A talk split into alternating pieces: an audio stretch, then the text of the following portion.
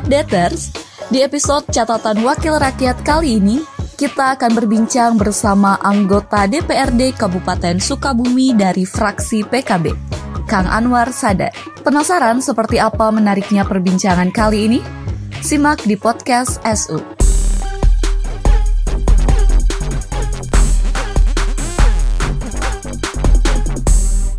Kita bertamu ke rumahnya Kang Anwar Sadad, anggota Komisi 1 DPRD Kabupaten Sukomi di Ujung Genteng, Kang. Siap, siap. Nah, Kang, kita sekarang mau ngobrol sama Kang di acara catatan wakil rakyat eh, sukawiupdate.com. Kita sudah banyak mengenal Akang sebagai politikus yang berangkat dari kelompok santri. Tapi kita ingin tahu bagaimana perjalanan Akang memulai ini. Jadi, saya ingin bertanya dari awal mungkin bagaimana Akang dilahirkan waktu itu dan hingga sekarang menjadi seorang Kang Anwar Sadat gitu kan. Pertama saya lahir memang sejak kecil karena eh, orang tua saya punya pesantren. Ya akhirnya eh, kami saya secara pribadi memang ketika hari ini eh, apa menjadi anggota DPRD memang nggak jauh dari pesantren seperti itu. Tidak jauh dengan pesantren ketika hari ini banyak para santri, para ajengan ketika bergaul di luaran lah begitu ya banyak para kiai, para ajengan saya sudah tidak heran lagi baik itu misalkan ketika hari ini ada ajengan atau ada kiai yang marah-marah pun ke saya sudah terbiasa seperti itu. Karena sudah dari eh, kecil dididik seperti itu Iya, Kang iya, ya. iya. Nanti Akang lahir di mana dan waktu itu orang tua seperti apa mendidik Akang? Saya lahir eh, sebenarnya saya lahir di luar lah. Karena pas waktu itu eh, ibu dan bapak saya sedang menunaikan ibadah haji, saya lahir di eh, tanah suci Mekah. Wah, eh, spesial kan? Iya iya iya. Ternyata Kang harus ada lahir di Nah sana. dulu mungkin belum ada larangan tentang hal itu eh, dan ibadah haji dulu itu agak lama begitu. Saya lahir di sana sebenarnya. Lahir di Mekah berarti Iya, ya? iya. di Arab Saudi ya. Iya, oh, iya. kalau masa kecil berarti lalu pindah pulang Nah, pulang pas waktu Saudi. itu langsung pulang aja biasa seperti ibadah haji biasa langsung pulang. Cuma memang agak repot begitu kan karena Bawa bayi ya. di sana bawa bayi begitu pulang harus bawa bayi begitu Iya, iya. karena ada uh, mekanisme tertentu yang harus ditempuh seperti itu. Mm-mm. Berarti kecil sekolah SD SMP di mana Kang? SD saya di Waluran di SDN Tegalega Cimolok Waluran dan meneruskan di SMP-nya juga di SMPN 3 Ciracap dulu mah karena dulu Waluran masih masuk ke Kecamatan Ciracap sekarang menjadi SMPN 1 Waluran. Waluran, oke. Ya. Nah, Kang, sejak kecil kan Akang hidup di lingkungan keluarga santri lah. Iya, iya, iya. Apa uh, nilai yang paling Akang ingat hingga hari ini mungkin pesan orang tua tentang nilai-nilai santri itu Akang tanamkan hingga saat ini gitu? Yang pertama soal akhlak dan budi pekerti begitu ya. Iya. Soal akhlak, eh, moral begitu kita jangan eh, membeda-bedakan orang, eh, kesederhanaan seperti itulah kehidupan santri begitu. Misalkan ketika hari ini saya kebetulan beberapa bulan yang lalu kedatangan kiai menyampaikan pesan terhadap saya ketika ada tamu kita jangan sampai membeda-bedakan oh ini eh, Orang penting, orang ini penting, bukan. ini orang bukan apakah ini pendukung kita atau bukan itu Iya. jangan dibeda-bedakan Tetap kita apa namanya memperlakukan sama, Iya, apalagi memperlakukan tamu. sama gitu. karena eh, beliau menyampaikan begini ke saya. Dulu Nabi Ibrahim itu punya kebiasaan ketika ada tamunya suka menjamu tamunya. Hmm. Nah, tapi suatu saat Nabi Ibrahim itu ditegur oleh Allah Subhanahu wa taala. Kenapa demikian? Karena katanya Nabi Ibrahim itu pas waktu kedatangan tamunya tersebut suka memberikan makanan begitu. Iya. Suka menjamu tamunya itu tetapi punya kebiasaannya itu apakah kamu menyembah Allah kata Hmm. Nabi Ibrahim itu begitu ditanya dulu begitu. Ternyata pas waktu yang tamu tersebut ternyata orang Majusi begitu. Nah akhirnya oleh oleh Nabi Ibrahim eh, pas waktu itu ya udah eh, kamu jangan ikut makan dengan tamu-tamu saya yang lain. Oh, dibedakan. Dibedakan begitu. Akhirnya ol- eh, oleh Allah pas waktu itu mengutus malaikat datang mendata eh, wahyu terhadap Nabi Ibrahim. Oh kamu itu kenapa membeda-bedakan makhluk eh, kami kata Allah sedangkan dia itu sudah hidup 70 tahun saya tidak eh, kami tidak pernah mena- eh, menanyakan apakah kamu menyembah ataupun tidak Nah, tetap diberi eh, tetapi eh, oleh Allah eh, dia dikasih makan dikasih apa Iya, iya, betul. akhirnya Nabi Ibrahim pas waktu itu memanggil lagi orang tersebut saya mohon maaf karena saya ditegur oleh Tuhan saya eh, bahwa eh, seperti tadi disampaikan eh, Tidak boleh membeda-bedakan Tidak boleh membeda-bedakan. Meski dalam segi Meski dalam sisi, sisi ya. akidah pun dari sisi kepercayaan itu sudah berbeda. Jangan sampai seperti itu terhadap tamu. dan itu yang akan pegang sampai sekarang Sampai ya. sekarang. Oke, dan kita pun sekarang disambut luar biasa dengan hidangan kopi ini. Ya kan tadi berangkat dari sekolah SD SMP itu kan di Walura. Nah, Ya. eh, perjalanan akan menjadi santri dalam pendidikan keagamaan itu mulai kapan dan di mana, Kang? Pertama saya memang mendapatkan kajian-kajian kitab kuning ya oleh orang tua saya ketika memang dari SD lah. Dari SD kitab-kitab dasar seperti itu. Terus yang selanjutnya ketika SMA saya memang pindah lah keluar dari. Waluran ini eh, ke Sukabumi yaitu di Kadu Dampit di Pondok Pesantren Darussipa Alfitroh Yaspida Sukabumi eh, dan eh, SMA-nya di situ, mondoknya juga di situ seperti itu. Dan ketika waktu kuliah saya eh, mondok di Pondok Pesantren Anidom seperti itu dan kuliah di STI Sukabumi. Umi, ya. Ya. Kang, masa-masa yang akan ingat sampai sekarang ketika menjadi santri apa? Kan pasti banyak kenangan santri itu bareng teman-teman, satu lingkungan tinggal di sana. Apa yang paling diingat oleh Akang? Yang paling saya ingat itu ketika selesai eh, makan ya, Eh, yang paling yang paling saya ingat ketika malam-malam misalkan warung sudah pada tutup, bakal sudah menipis dan seperti itu. Ketika karena kan rata-rata walaupun sembunyi-sembunyi karena di pesantren nggak boleh ngerokok, begitu. sembunyi-sembunyi biasanya eh, suka itu apa sama teman-teman itu eh, nyari apa potongan rokok begitu Oh. untuk untuk di dibuat kembali gitu Iya, dihisap deh ya. dihisap lagi kenangan itu kenangan unik masa-masa santri Kang ya. Iya, iya, iya. Nah, itu tentunya tidak akan dilupakan kebersamaan bareng teman-teman di sana.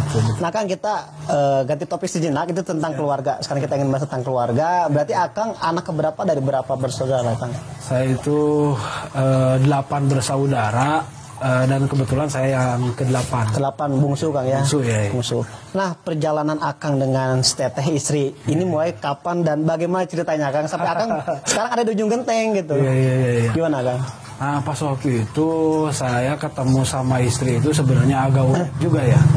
Agak uniknya itu pas waktu itu saya sebenarnya pacarannya itu sama temennya begitu. Teman istri yang sekarang Teman istri ya. yang Oh. sekarang begitu. Pacarannya itu sama teman istri yang sekarang. Istri masih SMA begitu dan pacar saya pun pas waktu itu masih SMA. Saya masih di pondok pesantren begitu. Akang udah kuliah waktu itu? Eh, kenapa? Akang udah kuliah atau masih SMA Eh, juga? pas waktu itu lagi kuliah. Udah kuliah ya? Udah kuliah, udah kuliah. Karena saya itu kuncek bahasa Sunda nama begirna telat. Karena pas waktu SMA pun belum belum, Belum ya? mengenal perempuan begitu. Jadi cinta pertama Akang ya? Eh, enggak sih kalau cerita. Oh ada ada sih sebelumnya. Oke oke. Pacaran sama teman istri. Ya waktu itu. pacaran sama teman istri pas waktu lagi di pondok ditelepon begitu Ya. sama itu eh, akhirnya saya pulang begitu minta diantar untuk jengok eh, nengok nengok Istri yang sekarang. sekarang. Oh iya. karena eh, istri saya itu baru pulang dari eh, rumah sakit, sakit. begitu pas waktu SMA nah saya ketemu begitu nah se- sebenarnya pacarannya itu sama temennya Hmm. gitu. nah eh, lama lah udah selesai semua begitu akhirnya ya lama-lama sekitar empat tahun lah Se- se- Sejak kejadian itu ya. sejak kejadian itu ya bisa ketemu kembali begitu karena istri itu kuliahnya di Bogor begitu Oh iya. kuliahnya di Bogor ya karena sudah jodoh mungkin ya akhirnya Dipertemukan lagi. dipertemukan kembali Dan sekarang membina rumah tangga. Sekarang sudah punya berapa buah hati Kang? Buah hati baru dua saya Dua-dua ya. Oke, jadi ceritanya dari tem istri dulu waktu itu. Iya, iya, iya. Nah, Kang, ini kan kalau bicara keluarga, Akang aktivitas juga padat sebagai anggota DPRD. Bagaimana respon keluarga dan dukungan kepada Akang saat ini gitu? pas awal-awal memang cenderung kaget mungkin ya keluarga itu karena sering ditinggal terus lagi banyak kesibukan kan karena kan kadang-kadang eh, istri saya sering protes begitu pas awal-awal Waktu ya. Iya, sering mementingkan kepentingan orang lain daripada kepentingan Iya, keluarga. betul, begitu. betul, Mang. Tetapi hari ini sudah lama, apalagi hari ini Sudah sudah mengerti dan dua lain-lain. periode, akhirnya sudah mengerti begitu. Kalau awal-awal memang cenderung Ya, agak mungkin kaget. perlu adaptasi ya, perlu adaptasi ya, hidup Tapi sekarang pasti mendukung penuh aktivitas Akang memperjuangkan hak rakyat di Ya, ya, Kabupaten ya, ini. betul, betul. Nah, Kang kembali ke persoalan dunia santri dan politik Akang secara formal di Partai Kebangkitan Bangsa PKB. Berarti mulai eh, start Akang masuk politik formal tahun berapa Kang waktu itu? Kalau masuk politik formal itu memang saya pas waktu itu masih di pesantren dan ba- pas nyusun skripsi pas waktu itu 2008 ya. 2008 tetapi untuk pendaftarannya itu kan 2009 eh, 2009 gitu. Tapi pendaftarannya kan 2008 pemilunya 2009. Pas masih nyusun skripsi sama kakak saya, kakak saya lebih dulu masuk ke partai politik, dipanggil begitu untuk ikut mencalonkan diri. Waktu itu di daerah pemilihan ini begitu Langsung di partai PKB waktu itu kan? langsung di langsung di PKB begitu dan kebetulan keluarga saya di pesantren sudah afiliasi politiknya sudah ke PKB seperti itu. Nah, akhirnya masuk ikut dicalonkan. Saya pun pas waktu itu sama sekali tidak melakukan kampanye. Iya, karena 2009 pertama juga mungkin ya. pertama juga begitu. Saya pun baru belajar. Eh, dan memang cukup tertarik juga begitu. Karena cenderung di pesantren dan kuliah itu kadang-kadang saya di pesantren kok ngaji ini sulit banget Iya, iya, iya, iya, iya, iya. Nah, dan akan menemukan uh, bidang lain tanda petik yang mungkin bisa lebih menjadi passion akan di sana. iya iya iya. Begitu perjalanan berarti kan 2009 mencalonkan itu sudah hasil atau seperti apa? Pas waktu itu karena jumlah kan dulu itu eh, di aturannya itu bahwa jumlah kursi jumlah calon itu 120% dari jumlah kursi begitu. Pas waktu itu daerah pemilihan ini 6 kursi, calon ada 7, saya di nomor urut 7 begitu. Kalaupun PKB Menang 7-7. itu menang eh, 6 kursi, saya nggak akan Oh iya kan ketujuh ya. Karena Oh, ketujuh oke. seperti itu lah. Dan itu menjadi pelajaran politik Akang di periode pertama. Iya, di periode Lalu pertama. mencalonkan kembali di 2014, 2014. dan dua periode sampai hari ini. Iya, iya, iya. Akang eh, sekarang kita bicara posisi Akang sebagai anggota DPRD yang berangkat dari kaum santri. Kira-kira apa yang akan harapkan dari perbaikan regulasi kebijakan di pemerintah daerah untuk khususnya untuk kelompok santri tapi umumnya untuk masyarakat Sukabumi kan? Begini ya, kadang-kadang kita melihat eh, pesantren itu sangat poten- potensinya sangat besar di Kabupaten Sukabumi. Jumlah santrinya ribuan, eh, pesantrennya juga ratusan begitu. Hari ini ketika misalkan eh, pemerintah ya untuk membangun sektor pariwisata itu salah satu tujuannya yaitu adalah untuk mendatangkan eh, wisatawan begitu dari luar Sukabumi ataupun dari eh, daerah Sukabumi. Pesantren juga sebenarnya ketika dilihat dari sisi itu sebenarnya mendatangkan eh, kalau bisa dikatakan lah wisatawan ruhani ini mungkin Iya, betul, ya. betul. wisatawan ruhani Ada andil pesantren ada andil besar gitu hari ini ketika misalkan ada satu pondok pesantren jumlah santrinya 3000 lah ya Iya. Ketika misalkan oleh orang tuanya dikasih uang 3 juta berarti hampir sudah 9 miliar Perputaran uang, perputaran ya. uang di lingkungan pesantren tersebut begitu.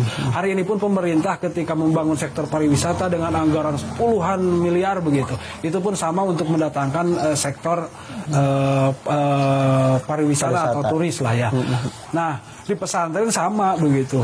Tetapi hari ini pemer- eh, perhatian pemerintah terhadap pesantren belum optimal ya. Ada tapi belum optimal. Iya. tetapi mudah-mudahan setelah eh, pemerintah pusat menerbitkan undang-undang tentang pesantren PP-nya dan segala turunannya eh, sepertinya hari ini akan berbeda begitu. Ada perhatian khusus dari pemerintah terhadap eh, pesantren, pesantren. Oh. Dan sekarang akan tentu akan berjuang di tingkat Kabupaten Sukabumi untuk memperjuangkan Iya, iya, wajah-wajah pesantren di Kabupaten Sukabumi ini kan.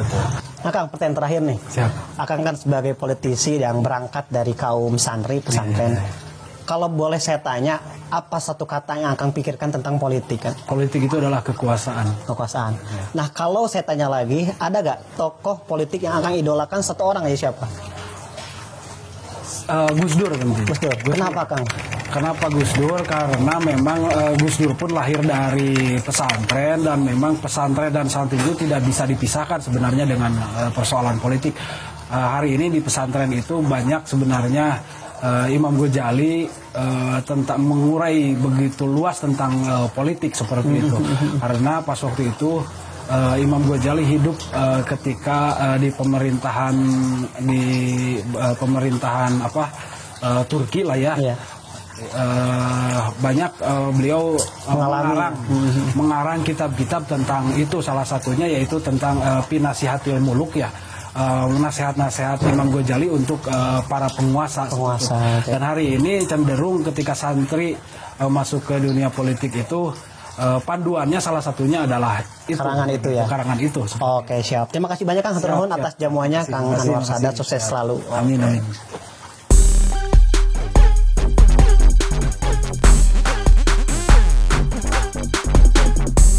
Nah, itu tadi perbincangan hangat kita bersama anggota DPRD Kabupaten Sukabumi dari fraksi PKB, Kang Anwar Sadat. Terus ikuti update-update terbaru podcast catatan Wakil Rakyat bersama para anggota DPRD Kabupaten Sukabumi, tentunya hanya di podcast SU.